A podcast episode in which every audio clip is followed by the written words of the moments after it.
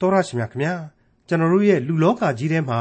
မတရားတဲ့သူတယောက်ဟာဖြင့်သူပြုမိခဲ့တဲ့မတရားမှုအတွက်နောင်တရပြီးအဲ့ဒီပြုမိခဲ့တဲ့အဓမ္မအမှုကိုရှောင်ကျဉ်မယ်ဆိုရင် ကျွန်တော်တို့အနေနဲ့ဘယ်လိုစဉ်းစားကြမလဲတရားဥပဒေအရစစ်ဆေးစီရင်အပြစ်ပေးတာကတပိုင်းဖြစ်တယ်လို့အဲ့ဒီသူပေါ်မှာကျွန်တော်တို့ရဲ့သဘောထားကတပိုင်းဖြစ်ပါတယ်လူမိုက်တယောက်ဟာတစ်သက်လုံးလူကောင်းတယောက်မဖြစ်နိုင်တော့ဘူးတဲ့လားအသစ်သောနှလုံးသား အသစ်သောစိတ်သဘောထားဆိုတာတွေကို တွေ့ရမှာဖြစ်တဲ့ခရိယန်တမန်ကျမ်းရဲ့ဓမ္မဟောင်းကျမ်းပိုင်းတွေကယေဇကျေလအနာဂတိကျမ်းအခန်းကြီး16နဲ့အခန်းကြီး19တို့ကိုဒီကနေ့တင်ပြရတော့တမန်ကျမ်းအစီအစဉ်မှာလေ့လာမှာဖြစ်ပါတယ်။လူလောကကြီးကိုတာထားကိုတိုင်းပြည်ကိုလူမျိုးကိုတောင်မှမကယ်တင်နိုင်တဲ့ရှင်ဘုရင်ရုပ်စွာအဆုံးကိုကိုကိုတောင်မကယ်တင်နိုင်လို့သူများခေါ်ရလိုက်ပြီးကျွန်ခံခဲ့ကြရတဲ့ရှင်ဘုရင်တွေရှိခဲ့ကြဘူးတာကိုလည်းတွေ့ရမှာဖြစ်တဲ့ ရေစကြည်လအနာဂတိကျမ်းအခန်းကြီး16နဲ့အခန်းကြီး19တို့ကိုဒေါက်တာထွန်းမြတ်အေးကအခုလိုသုံးသပ်လေ့လာဖော်ပြမှာဖြစ်ပါတယ်။တင်ပြရသောတမန်ကျမ်းရဲ့မိတ်ဆွေတို့တတ်ရှင်အပေါင်းတို့ခမညာဒီကနေ့အဖို့ကျွန်တော်တို့ရေစကြည်လအနာဂတိကျမ်းအခန်းကြီး16ကိုဆက်လက်ရောက်ရှိလာပါပြီ။အခန်းကြီး16ဟာအခုလိုစတင်ဖွင့်လှစ်ပြလိုက်ပါတယ်။တဖန်ထာဝရဘုရား၏နှုတ်ကပတ်တော်သည်ငါစီသို့ရောက်လာ၍ အဖတို့သည်ရှင်သောစပြစ်သီးကိုစား၍သားတို့သည်သွားကျိန်လျက်ရှိကြ၏ဟုသင်တို့သည်ဣသရေလပြည်ကိုရည်မှတ်၍စကပုံကိုသုံးသောအခါအဘယ်သို့ဆိုလိုသနည်းအရှင်ထာဝရဘုရားမိန့်တော်မူသည်ကားငါအသက်ရှင်သည့်အတိုင်းနောက်တဖန်ဣသရေလပြည်၌ထိုစကပုံကိုသုံးရသောအကြောင်းမရှိဝိညာဉ်အပေါင်းတို့ကိုငါပိုင်၏အဖ၏ဝိညာဉ်ကိုငါပိုင်တဲ့ကဲ့သို့သား၏ဝိညာဉ်ကိုလည်းငါပိုင်၏ပြစ်မှားသောဝိညာဉ်သည်အသက်သေးရမည် အခုဖတ်ခဲ့တာဟာယေဇကြည်လနဂတိကျမ်းအခန်းကြီး16ရဲ့အငယ်1မှ4ပဲဖြစ်ပါတယ်ကျေးဇူးတော်အားဖြင့်နှုတ်နှင့်ပြားရည်စီးဆင်းသောမြေဆိုတာဟာအာဟာရခေါင်းပါခြင်းဓာဘီသားရဲတိရစ္ဆာန်ဘီကာလနာဘေးတို့နဲ့အပြောင်းလဲကြီးဖြစ်ပြီးတော့ပျက်စီးရမှာဖြစ်တယ်လို့အခုအချိန်မှာတော့ပြောထုံးစကားတွေစကပုံတွေတောင်မှအသုံးမတည့်ရတဲ့ခစ်ကိုကူးသန်းရတော့မယ်တဲ့ဘုရားသခင်ပြင်းထန်စွာသတိပေးလိုက်ပါတယ်ဟုတ်ပါတယ် အဖေကအချင်းတုတ်စားတော့သားသွားချင်းတယ်ဆိုတဲ့စကပုံဆိုရိုးစကားအတိုင်းနောက်ဆိုရင်မင်းတို့မပြောရတော့ဘူးတဲ့ကျွန်တော်ဗမာပြည်မှာတော့လင်စားရင်မရချိုတယ်ဆိုတဲ့စကားရှိတယ်ယောက်ျားစားတဲ့အခါကျတော့မိန်းမကလည်းယောက်ျားကိုချစ်တဲ့အတွက်ကြောင့်ယောက်ျားစားတာနဲ့လိုက်ပြီးတော့ရောင်ရဲတင်းတိမ်နေဆိုတဲ့သဘောပါပဲအခုဣတရီလာမှာလေအဲ့ဒီခေတ်ကစကပုံရှိခဲ့တယ်အဖေအချင်းစားတော့သားသွားချင်းနေတဲ့အဲ့ဒီဆိုယူစကားမျိုးနောက်ဆိုရင်ဣတရီလာမှာမရှိနိုင်တော့ဘူးဆိုပြီးတော့ဘုရားသခင်ပြောပါတယ် ဘာဖြစ်လို့လဲဆိုရင်ဟိုအရင်တုန်းကဆိုရင်အဖေရဲ့ဓာတ်ဟာသားကိုကူးစက်တယ်အရေးကြီးရင်သွေးနီးတယ်ဆိုတဲ့စကားမျိုးရှိတယ်အမျိုးသားရေးစိတ်ဓာတ်အလွန်ကောင်းမွန်စွာရှိခဲ့တယ်ဆိုတဲ့သဘောမျိုးဖြစ်တယ်အရေးကြီးသွေးစီးတယ်ဆိုတဲ့သဘောမျိုးဖြစ်တယ်လက်ဖျားကိုစိတ်တော့လက်ထိတ်ကနာတယ်ဆိုပြီးတော့မင်းတို့ဣသရေလဟာအလွန်အလွန်သွေးစီးနိုင်ခဲ့ဘူးကြပါတယ်ဒါပေမဲ့အဲ့ဒီခေတ်ကုန်ပြီအနာဂတ်မှာတော့တောင်မင်းကိုမြောက်မင်းမကယ်နိုင်ဆိုသလိုအဖေရောသားရောဘသူဘသူမှမကယ်နိုင်ဘူး ပြေးနိုင်မှလွတ်စေဆိုတဲ့အတိုင်းပဲကိုယ့်အသက်ကိုဖက်နဲ့ထုတ်ပြီးတော့မင်းတို့ပြေးရလိမ့်မယ်ဆိုတဲ့ခေတ်ကိုရောက်လိမ့်မယ်တဲ့အဲ့ဒီသဘောမျိုးပါဝိညာဉ်အပေါင်းတို့ကိုငါပိုင်၏အဖအီဝိညာဉ်ကိုငါပိုင်တယ်လို့သားဤဝိညာဉ်ကိုလည်းငါပိုင်၏တဲ့ပြစ်မှားတဲ့ဝိညာဉ်မှန်သမျှဘသူဘသူမှမကဲနိုင်ဘူးအကုန်အသက်သေးရမယ်တဲ့ကြောက်เสียမကောင်းဘူးလားမိတ်ဆွေအပြစ်တရားရဲ့အဖို့အခါဟာတကယ်တော့သိချင်းဖြစ်ပါလေလူသားဟာအပြစ်ဇာတိပဂရိနဲ့လူဖြစ်နေရလို့အဲ့ဒီလောကရန် သေခြင်းအပြစ်ကိုလူသားတိုင်းဟာရင်ဆိုင်ရမှာကြီးပဲသေရမှာကြီးပဲသာဖြစ်ပါတယ်လူတယောက်ချင်းရဲ့ဝိညာဉ်ဟာဘုရားသခင်နဲ့သာဖြည့်ရှင်းရမှာဖြစ်တယ်ဆိုတဲ့တစ္ဆာတရားဒီအပိုင်းမှာနားလည်လာရတယ်လို့အဲ့ဒီခေတ်ကာလဣသရေလအပြစ်လူအဖွဲ့အစည်းရဲ့မျက်မြင်ဒိဋ္ဌဒုက္ခဆင်းရဲခြင်းတွေစိတ်သောကဖိစီးမှုတွေအကြောင်းတွေကိုအခုလိုရည်ညွှန်းလိုက်ခြင်းပဲဖြစ်ပါတယ်အခုလိုလူတဦးချင်းရဲ့ကန္တာ တစ်ခုချင်းကွဲပြားခြားနားမှုဆိုတာတွေကိုဖော်ပြတာဟာပြည့်ညတ်တော်ကာလလူအဖွဲ့အစည်းအတွက်အမှန်လဲလက်တွေ့ကြနေတယ်လို့ကျွန်တော်သုံးသပ်ပါတယ်ရှေးကာလပြည့်ညတ်တော်အရာတရားဟောရာကျမ်းအခန်းကြီး24အငယ်16ဟာအခုလိုဖော်ပြထားပါတယ်အဖသည်သားဤအပြစ်ကြောင့်၎င်းသားသည်အဖဤအပြစ်ကြောင့်၎င်းအသေးမခံရလူတိုင်းမိမိအပြစ်ကြောင့်သာအသေးခံရမည်တဲ့ရှင်းနေတာပါပဲနော် အဲ့ဒီလိုပြည့်ညတ်တော်ကာလအတွင်းကသမိုင်းဖြစ်စဉ်တို့ကိုမူတည်ပြီးဖော်ပြထားတဲ့အနာဂတ်တွေကိုနောက်ထပ်ဆက်လက်ဖော်ပြပေးလိုက်တာဟာလေပြည့်ညတ်တော်များနဲ့ပဲဆက်နွယ်နေတာကိုဆက်ပြီးတော့တွေ့မြင်နိုင်ပါတယ်ယေစီလအနာဂတိကျမ်းအခန်းကြီး78အငယ်9မှ9လူမြည်သည်ကသဘောဖြောင့်၍တရားသောအမှုဟုတ်မှန်သောအမှုကိုပြုလျင်၎င်းတောင်ပေါ်မှမစားဣသရေလအမျိုးကိုးကွယ်သောရုပ်တုတို့ကိုမဖူးမမျောသူ့မယားကိုမပြစ်မှာ ဥဒုရောက်သောမိမကိုမချင်းကပ်အဘယ်သူကိုမျှမနှင်းစေကျွေးစားပေါင်ထားသောဥစ္စာကိုပြန်၍မပေးဘဲမနေသူ့ဥစ္စာကိုအနိုင်အထက်မလူမယူငတ်မွတ်သောသူကိုကျွေးမွေး၍အဝတ်မရှိသောသူကိုအဝတ်နှင့်ဖုံးလွှမ်းလျင်၎င်းအတိုးစား၍ငွေကိုမချီအရမအမှုကိုလက်မခံသူတစ်ပါးအမှုကိုတရားသဖြင့်စီရင်ခြင်းငါစီရင်ထုံးဖွဲ့သည့်အတိုင်းကျင့်၍သစ္စာစောင့်ခြင်းကိုပြုလျင်၎င်းထိုသူသည်ဖြောက်မတ်တော်သူဖြစ်အကယ်စင်စစ်အသက်ရှင်ရလိမ့်မည်ဟု အရှင်ထာဝရဘုရားမိန့်တော်မူ၏မိတ်ဆွေအပေါင်းတို့အခုဣသရီလဆိုတဲ့လူမျိုးတော်ရဲ့အပြစ်တွေထဲမှာအဓိကဟာပါလေဘုရားသခင်ကိုဆန့်ကျင်တော်လှန်ပုန်ကန်ခြင်းပဲဖြစ်တယ်ဆိုတာကိုအနာဂတ်ကျမ်းတို့ရဲ့အစလို့ပြောနိုင်တဲ့ဟေရှာယအနာဂတ်ကျမ်းအခန်းကြီး1မှာတည်းကတွေ့ကြရပြီးပြီဘုရားသခင်ကိုဆန့်ကျင်တယ်ဆိုကြတဲ့ကဘုရားသခင်ရဲ့အလိုတော်များကိုသူတို့ညှင်းပယ်ကြပြီစွန့်ပစ်ကြပြီအဲ့ဒီအလိုတော်များဆိုတာကတော့ပြည့်ညတ်တော်ကာလအဖို့ပြရုပ်အဖြစ် ပြည့်ညတ်တော်များသာဖြစ်ရလိမ့်မယ်ဆိုတာရှင်းနေပါလေယေစကြည်လအနာဂတိကျမ်းအခန်းကြီး78အငယ်30မှ78တို့ရာတွင် ထိုသူဤသားသည်ဓမြတိုက်သောသူ လူအသက်ကိုတတ်သောသူအရင်ဆိုခဲ့ပြီးသောဒုစရိုက်တစ်စုံတစ်ခုကိုပြုသောသူအရင်ဆိုခဲ့ပြီးသောသူစရိုက်ကိုမပြုတောင်ပေါ်မှစားခြင်းသူမယားကိုပြစ်မှားခြင်းဆင်းရဲငတ်မွတ်သောသူကိုညှင်းဆဲခြင်းသူဥစ္စာကိုအနိုင်အထက်လူယူခြင်းပေါင်ထားသောဥစ္စာကိုပြန်၍မပေးဘဲနေခြင်းရုပ်ထုကိုဖူးမြော်ခြင်းယွန်ရှာပွေသောအမှုကိုပြုခြင်းအတိုးစား၍ငွေချေးခြင်းကိုပြုသောသူဖြစ်လျင်အသက်ရှင်ရမည်လောအသက်မရှင်ရ ထိုယွန်ရှာပွေသောအမှုများကိုပြုသောကြောင့်စင်စစ်အသေးသက်ခြင်းကိုခံရမည်သေတိုက်သောအပြစ်ရှိ၏တို့ရတွင်ထိုသူ၏သားသည်အဖပြုသမျှသောဒုစရိုက်တို့ကိုမြင်၍ဆင်ခြင်သဖြင့်ထိုသို့သောအမှုတို့ကိုမပြုတောင်ပေါ်မှမစားဣသရေလအမျိုးကိုးကွယ်သောယုတ်တုတို့ကိုမဖူးမမျောသူ့မယားကိုမပြစ်မှား အဘယ်သူကိုမျှမနှင်းစေပေါင်ထားသောဥစ္စာကိုမသိမ်းသူ့ဥစ္စာကိုအနိုင်အထက်မလူမယူငတ်မွတ်သောသူတို့ကိုကျွေးမွေးခြင်းအဝတ်မရှိသောသူတို့ကိုအဝတ်နှင့်ဖုံးလွှမ်းခြင်းဆင်းရဲသောသူကိုချမ်းသာပေးခြင်းအတိုးမစားဘဲငွေချေးခြင်းကိုပြု၍ငါစီရင်ထုံးဖွဲ့ချက်တို့ကိုစောင့်ရှောက်လျင်ထိုသူသည်အဖ၏အပြစ်ကြောင့်အသေးခံရမည်မဟုတ်စင်စစ်အသက်ရှင်ရလိမ့်မည်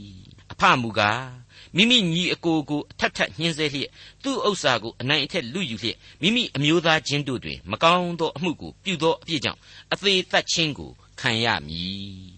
ဒီအပိုင်းတွေဟာရုတ်တရက်ဆိုရင်နားထွေးခြင်းစရာလိုလိုပြင်းရည်စရာကောင်းတယ်လို့လို့ရှိပေမဲ့လူလောကဖြစ်စဉ်တွေနဲ့အလွန်ကိုက်ညီတဲ့ဖော်ပြချက်တွေသာဖြစ်တာကိုတွေ့ရပါတယ်နှုတ်ကပတ်တော်ဟာအမှုမဲ့အမှတ်မဲ့ဖတ်ပြီးတော့အပိုက်တပိုက်သေးကိုအသေးကင်ဆွဲရတဲ့ကျမ်းစာမျိုးမဟုတ်ကြဲပြန့်စွာလေ့လာရတယ် စိတ်ဆက်စွာဆင်ခြင်သုံးသပ်ရတယ်ဝိညာဉ်တော်လမ်းပြသည့်အတိုင်းဝိညာဉ်ရေးသဘောတရားတို့ကိုခံယူရတယ်ဆိုတာကိုဒီအပိုင်းကလေးနဲ့ဆက်ဆက်ပြီးတော့ကျွန်တော်မိတ်ဆွေတို့ကိုအကြံပြုတင်ပြခြင်းပါတယ်ပမာအားဖြင့်အဖတို့၏အပြစ်ကိုသားတို့၌ဆက်ပေးနိုင်တော်ဖရာတစ်ဆက်နှစ်ဆက်သုံးဆက်လေးဆက်အထိအပြစ်ပေးပိုင်တော်ဖရာဖြစ်တော်မူတယ်ဆိုတာဟာသစ္စာစကားဖြစ်တာအမှန်ဒါကိုခံယူရမှာတော့အသေးဆုပ်ကင်ပြီးတော့ဒီအတိုင်းဖြစ်ကိုဖြစ်ရမယ်ဆိုတာဟာမှားယွင်းတဲ့အယူအဆဖြစ်ကြောင်းပေါ်ထွက်လာပါတယ် တကယ်တော့အဖဖျားသခင်ဟာအဖတို့၏အပြစ်ကိုသားသမီးများကိုပေးဆက်တဲ့နေရာမှာတကယ်တကယ်30 40အထိမကပါဘူးဆယ်ဆက်အထိဖြစ်နိုင်ပါတယ်ကဘာကုံတဲ့အထိတောင်မှအပြစ်ပေးပိုင်တော်ဖရာဖြစ်တော်မူပါတယ်ညင်းကိုမညင်းနိုင်ပါဘူးဒါပေမဲ့အဲ့ဒီအတိုင်းအမြဲတမ်းအပြစ်တီပေးခဲ့ပါသလားပေးပိုင်တိုင်းသူပေးခဲ့ပါသလားမပေးခဲ့လို့သားဖြင့်ဒီကနေ့ဒီလူရွာမှာအပြစ်ရှိခြင်းနဲ့ပဲအပြစ်ရှိရှိကြီးနဲ့ပဲလူသားတို့ဟာဆက်လက်ရှင်သန်နေရခြင်းပဲဆိုတာဟာရှင်းနေပါလေ သူဟာမေတ္တာတော်အရှင်ဖြစ်ပါတယ်ယေရှုဂရုဏာတော်နဲ့ပြည့်စုံတော်မူပါတယ်ဒါကြောင့်မလို့အပြစ်ကိုပေးပိုင်တယ်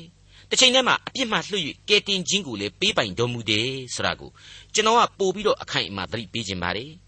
အဲ့ဒီလိုသူပေးတဲ့ကယ်တင်ခြင်းသူပြုတော်မူတဲ့ကျေးဇူးတော်ကိုလက်ခံရမှာအဖေသည်သူ့အတွက်သူခံယူရမှာဖြစ်တယ်လို့သားသည်လည်းသူ့အတွက်သူခံယူကြရမှာဖြစ်ပါတယ်ဒီသဘောတရားဟာအခုရေစကြည်လအနာဂတ်အဖြစ်ကွက်ကွက်ကွင်းကွင်းနားလည်လာနိုင်ပါတယ်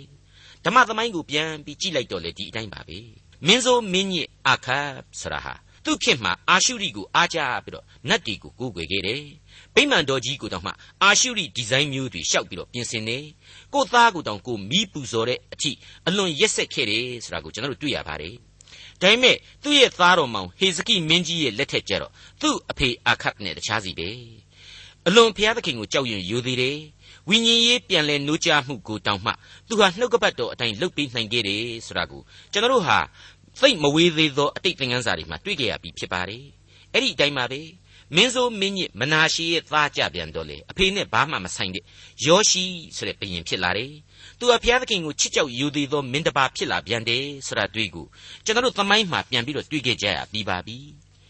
ယေဇကျေလအနာဂတိကျမ်းအခန်းကြီး78 အငယ်16မှ24ကိုဆက်ကြပါစို့သင်တို့ကလည်းအဘယ်သို့နည်းသားသည်အဖ၏အပြစ်ကိုမခံရသလိုဟုမေးကြတော့သားသည်တရားသောအမှုဟုတ်မှန်သောအမှုကိုပြု၍ငါစီရင်ထုံးဖွဲ့သမျှအတိုင်းကျင့်ဆောင်လျင်စင်စစ်အသက်ရှင်ရလိမ့်မည် ပြစ်မှားသောသူသည်အသေးခံရမည်သားသည်အဖ၏အပြစ်ကိုမခံရအဖသည်သား၏အပြစ်ကိုမခံရတရားသောသူသည်တရားစွာပြုခြင်းအကျိုးကို၎င်းမတရားသောသူသည်မတရားစွာပြုခြင်းအပြစ်ကို၎င်းခံရလိမ့်မည်တို့ရာတွင်မတရားသောသူသည်မိမိပြုမိသမျှသောဒုစရိုက်တို့ကိုကျင့်ဆောင်လျက်ငါစီရင်ထုံးဖွဲ့သမျှတို့ကိုစောင့်ရှောက်၍တရားသောအမှုဟုတ်မှန်သောအမှုတို့ကိုပြုလျင်သေခြင်းနှင့်လွတ်၍စင်စစ်အသက်ရှင်ရလိမ့်မည် ပြုမိသမျှသောဒုစရိုက်အပြစ်တို့ကိုသူ့တစ်ဖက်၌မမှတ်ရ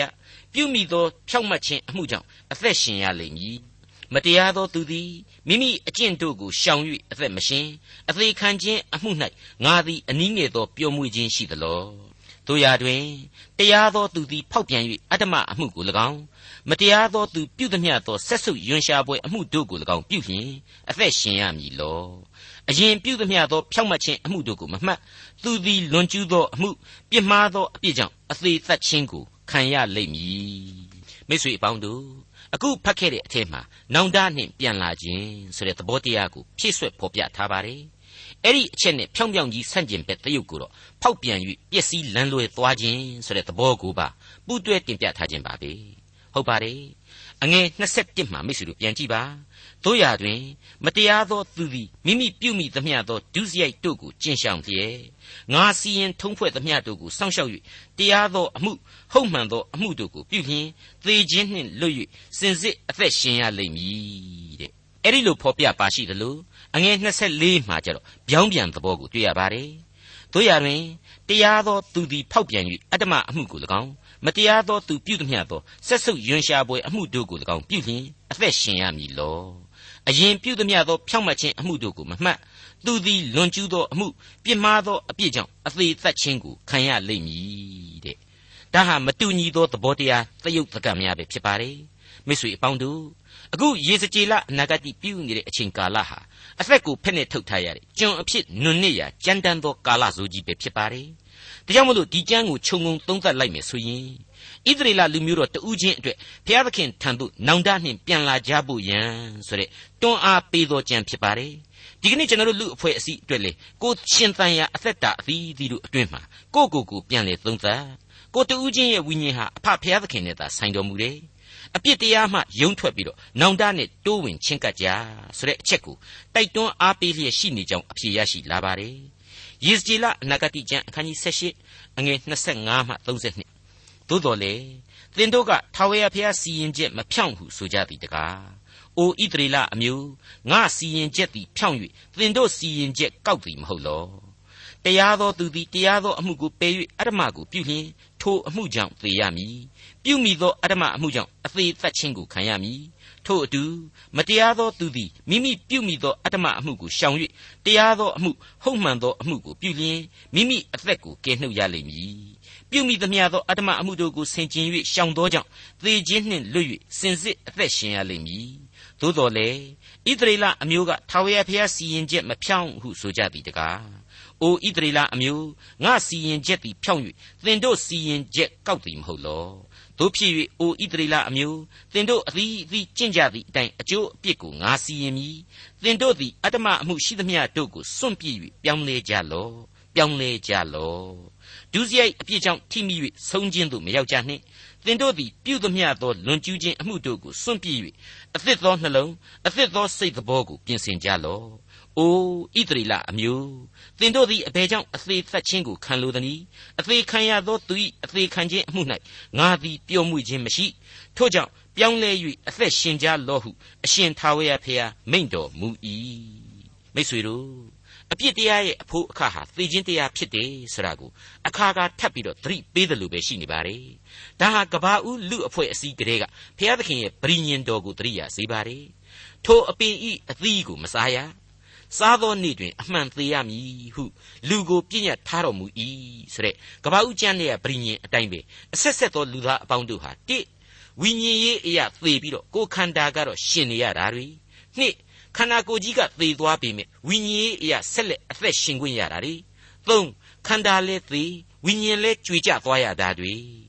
အဲ့ဒီလိုသေခြင်းအမျိုးမျိုးနဲ့သေနေရတာကိုကျွန်တော်တို့တွေ့နေရပါတယ်အခုအပိုင်းမှာဖော်ပြတဲ့သေခြင်း အသေးသက်ခြင်းဆိုတဲ့အချက်တွေးဟာအဲ့ဒီအချိန်ကာလကျွန်ဘဝအစပိုင်းဒုက္ခဆင်းရဲခြင်းတွေတဲကသေခြင်းအသက်ပေးရခြင်းတွေတဲ့ပို့ပြီးတော့စဉ်းစားရမယ်ဝိညာဉ်ရေးသဘောတွေပါဝင်နေတယ်လို့ကျွန်တော်ခံယူပါတယ်အသေးခံရသောသူ၏အသေးခံခြင်းအမှု၌ငါသည်ပျော်မွေ့ခြင်းမရှိထို့ကြောင့်ပြောင်းလဲ၍အသက်ရှင်ကြလောဆိုတဲ့အချက်ဟာအလွန်အလွန်အရေးကြီးပါတယ်မိတ်ဆွေအပေါင်းတို့ဧဒရာဝတ္ထုအကြောင်းကိုမိတ်ဆွေတို့ပြန်ပြီးတော့စဉ်းစားကြည့်မယ်ဆိုရင် ပရိညင်ဥပရိသာဆရာဟာရှင်ဘရင်ရဲ့တစိ့တော်ခတ်ပြီးဘယ်လူသားကမှဝင်ပြီးတော့ပယ်ဖြစ်နိုင်ခြင်းမရှိဘူးရှင်ဘရင်ကိုယ်တိုင်ဟာလည်းဒီအမိန့်ကိုဖျက်လို့မဖြစ်နိုင်တဲ့အခါမှာနောက်ထပ်အမိန့်တော်စာမျက်နှာအသစ်နဲ့နောက်ထပ်တစိ့တော်အသစ်ကိုခတ်ပြီးတော့အသစ်ထုတ်ပြန်ပေးရတယ်ဆိုတဲ့သဘောကိုတွေ့ရပါတယ်ဟုတ်ပါတယ်အပြည့်နှင့်သေခြင်းဆိုတဲ့ဘုရားသခင်ရဲ့ပရိညင်တော်ဟာ အနန္တတကုရှင်ဘုရားသခင်ရဲ့အမိန့်တော်ဖြစ်လို့ဘယ်လူသားမှမရှောင်နိုင်ပါဘူးဒါပေမဲ့ဘုရားသခင်ကလူသားတို့ရဲ့သေခြင်းအတွက်ပျော်မွေ့ခြင်းမရှိတဲ့အလျောက်သားလျင်ကယ်တင်ရှင်သခင်ခရစ်တော်အဖင်သာဝရအသက်ဆိုတာကိုအသစ်ထုတ်ပြန်ကြီးညာပေးခဲ့ရပါတယ်ဒါကြောင့်လေရှင်ယောဟန်ခရစ်ဝင်ကျမ်းအခန်းကြီး3အငယ်16နဲ့18တို့ဟာအခုလိုဖော်ပြထားပါတယ်ဖျားသခင်ဤသားတော်ကိုယုံကြည်သောသူအပေါင်းတို့သည်ပျက်စီးခြင်းသို့မရောက်သာဝရအသက်ကိုရစေခြင်းဟာ ဖျားသခင်သည်မိမိ၌တပါးရီသောသားတော်ကိုစွန့်တော်မူသည့်တိုင်အောင်လောကီသားတို့ကိုချစ်တော်မူ၏လောကီသားတို့အားအပြစ်စီရင်ခြင်းဟာဖျားသခင်သည်သားတော်ကိုဤလောကသို့ဆေလွတ်တော်မူသည်မဟုတ်လောကီသားတို့သည်ကိုတော်အားဖြင့်ကယ်တင်ခြင်းသို့ရောက်မည်အကြောင်းဆေလွတ်တော်မူ၏တဲ့ဟုတ်ပါတယ်မိတ်ဆွေအပေါင်းတို့အပြစ်ဒဏ်ဖြစ်တဲ့သေခြင်းတရားဆိုတာကိုကဘာဥကရေကအဖဖျားသခင်စီရင်ပြီးသားပါ အဲ့ဒီစီရင်ပြီးသားအပြစ်ဒဏ်ဟာအစဉ်အမြဲအာနာသက်ဝင်နေပြီးသားလည်းဖြစ်ပါတယ်အဲ့ဒီအပြစ်ဒဏ်ကနေလွတ်မြောက်ဖို့အတွက်ခရစ်တော်ရဲ့ကယ်တင်ခြင်းတရားဥပရိသနဲ့နောက်ထပ်အဖဖျားသခင်စီရင်ထားတော်မူပါတယ်ယုံကြည်ခြင်းအဖြစ်ကျွန်တော်လက်ခံရန်သာလျှင်အဓိကဖြစ်တဲ့အကြောင်းတင်ပြလိုက်ပါတယ်မိတ်ဆွေအပေါင်းတို့အခုအချိန်မှာတော့မြည်တမ်းခြင်းအသံများအဖြစ်ကြားနာရမယ်ယေစကြည်လအနာဂတိကျမ်းအခန်းကြီး19ကိုဆက်လက်ရောက်ရှိလာပါပြီအခု ဣသရေလမင်းသားများအတွက်ရည်စူးသောမြည်တမ်းစကားဆိုတဲ့ခေါင်းစဉ်နဲ့ဆက်လက်နားဆင်ကြည့်စေခြင်းပါတယ်ယေဇကျေလအနာဂတိကျမ်းအခန်းကြီး19အငယ်1မှ9ထိုမှတပါဣသရေလမင်းသားတို့အတွက်ငိုကြွေးမြည်တမ်းလျက်ပြောရမည်မှာသင်ဤအမိကအဘယ်သူနည်းရှင်သေးမှဖြစ်၏ရှင်သေးတို့တွင်အိပ်လျက်နေ၍ ရှင်သေးပြိုတို့တွင်မိမိသားတို့ကိုကျွေးမွေး၏ကျွေးမွေးသောသားတကောင်သည်ရှင်သေးပြိုဖြစ်၍တောတရိษံတို့ကိုဖမ်းဆီးခြင်းဟာသင်ဤလူတို့ကိုလည်းကိုက်စားတတ်၏လူမျိုးတို့သည်ကြား၍မြေတွင်း၌ထိုချင်းသိပြိုကိုဖန်ပြီးလျှင်တန်ကြိုးနှင့်ချီနှောင်၍အေဂုတ်ထုပြည်သို့ယူသွားကြ၏ သားဆုံးရှုံးကြောင်းကိုအမိသည်မြင်၍စိတ်ပြတ်သောအခါသားတကောင်ကိုယူပြန်၍ချင်းသိပြိုဖြစ်စေခြင်းဟာပြုသဖြင့်သူသည်လည်းချင်းသိတို့နှင့်ပေါင်းဖော်၍ချင်းသိပြိုဖြစ်လျက်တောတရိษံတို့ကိုဖန်ဆီးခြင်းဟာသင်ဤလူတို့ကိုလည်းကိုက်စား၏သူတို့မုတ်ဆိုးများကိုသိ၍သူတို့မြို့များကိုသုတ်သင်ပယ်ရှင်းလေ၏ဟောက်သောအသံကြောင့်ပြည်နှင့်ပြည်၌ရှိသမျှတို့သည်စိတ်ညံလျက်ရှိကြ၏ထိုအခါလူမျိုးတို့သည်ကြေးလက်အရရတို့ကတိုက်လာ၍ ပိုက်ကွန်နှင့်ဝိုင်းပြီးလျှင်မြေတွင်း၌ဖမ်းကြ၏တန်ကြိုးနှင့်ချီနှောင်လျက်ဘာဘူးလုံရှင်ဘရင်ထံသို့ဆောင်သွား၍သူ၏အသံသည်ဣသရေလတောင်ပေါ်မှနောက်တဖန်မမြည်စေခြင်းဟာနှောင်အိမ်၌လှောင်ထားကြ၏မိတ်ဆွေအပေါင်းတို့ယေဇကျေလရဲ့အနာဂတ်စကားတွေကြားတဲ့ကမှမြည်တမ်းခြင်းအသံအဖြစ်ဘုရားသခင်ကိုတော်တိုင်ကပြုစီသောအသံဘုရားသခင်ရဲ့ခံစားချက်ကိုထင်ဟပ်ပေါ်လွင်စေသောအသံလို့ကျွန်တော်ဆိုချင်ပါတယ်ဒါဟာလည်းတကယ်တော့မဆန်းလှပါဘူး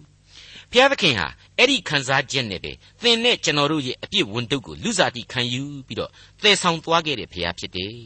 အပြစ်တရားရဲ့အဖို့အခါဖြစ်တဲ့သေခြင်းဆင်းရဲကြောင့်လေလူသားတွေသေနေရလို့သူမပျော်မွေ့နိုင်ဘူးဆိုတာကိုလေစောစောကပဲအခန်းကြီး78အရာဖော်ပြခဲ့ပြီးဖြစ်ပါတယ်အခုအပိုင်းမှာရှင်သေးဆရာဟာယုဒဆိုတဲ့ဣသရေလ12မျိုးတဲကလူမျိုးစုကြီးကိုနဖူးစည်းတက်တဲ့အမှတ်တညာဖြစ်ပါတယ်မှန်ပါတယ်ကဘာဦးကျမ်းမှာ ယာကုပ်ဆိုတဲ့အဖိုးကြီးသူသေကန်ဤအချိန်မှာသူ့ရဲ့သားနဲ့မြေး၁၂ပါးတို့အတွက်ဗျာဒိတ်စကားတွေကိုပြောကြားခဲ့တယ်ဆိုတာကိုတွေ့ရပါတယ်ယုဒဆိုတဲ့သူ့ရဲ့သားကြီးအတွက်သူပြောခဲ့တာတွေကတော့အခုလိုဖြစ်ပါတယ်ကပ္ပဦးကျမ်းအခန်းကြီး